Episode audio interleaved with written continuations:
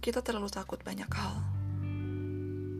Padahal sejatinya, esensi dari memiliki adalah kesiapan untuk merelakan. Merancang perpisahan demi sebuah pertemuan. Kita terlalu banyak menampung cemas dalam wadah hati kita yang sempit. Maksanya berjejal dengan kepuasan yang selalu haus, bangga diri, dan luka-luka lain yang tak kita sadari keberadaannya entah itu besar atau kecil, berbekas atau tidak. Bisa jadi terancam infeksi sehingga menciptakan endemik baru. Dan yang pasti, semuanya membutuhkan penanganan yang cepat dan tepat. Kemudian, aku menyaksikan diriku sendiri. Diriku, kau tahu, Sebenarnya menjadi muslim itu adalah tentang menyederhanakan keberserahan.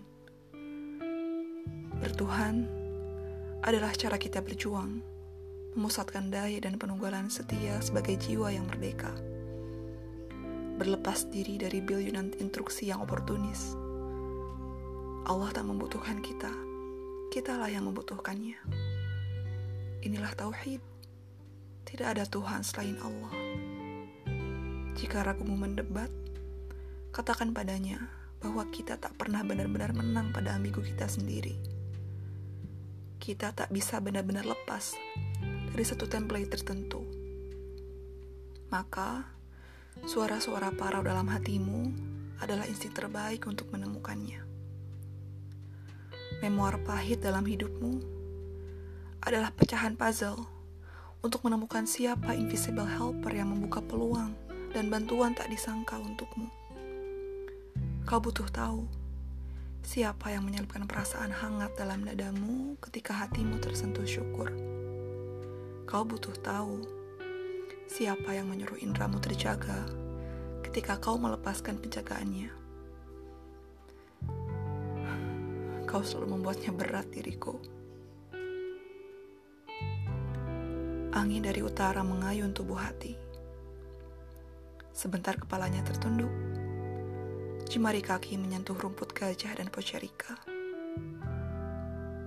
Pandangannya lurus dan kosong.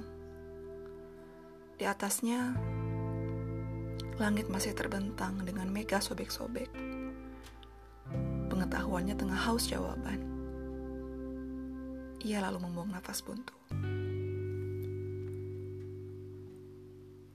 Cinta hanya reaksi kimia Hati menengok pada suara itu. Rupanya mata angin tengah berdiri tepat di belakangnya. Ia tersenyum, seraya menggenggam temali lalu mengayun tubuh hati. Ia tercipta. Kau harus menemukan yang tadi cipta.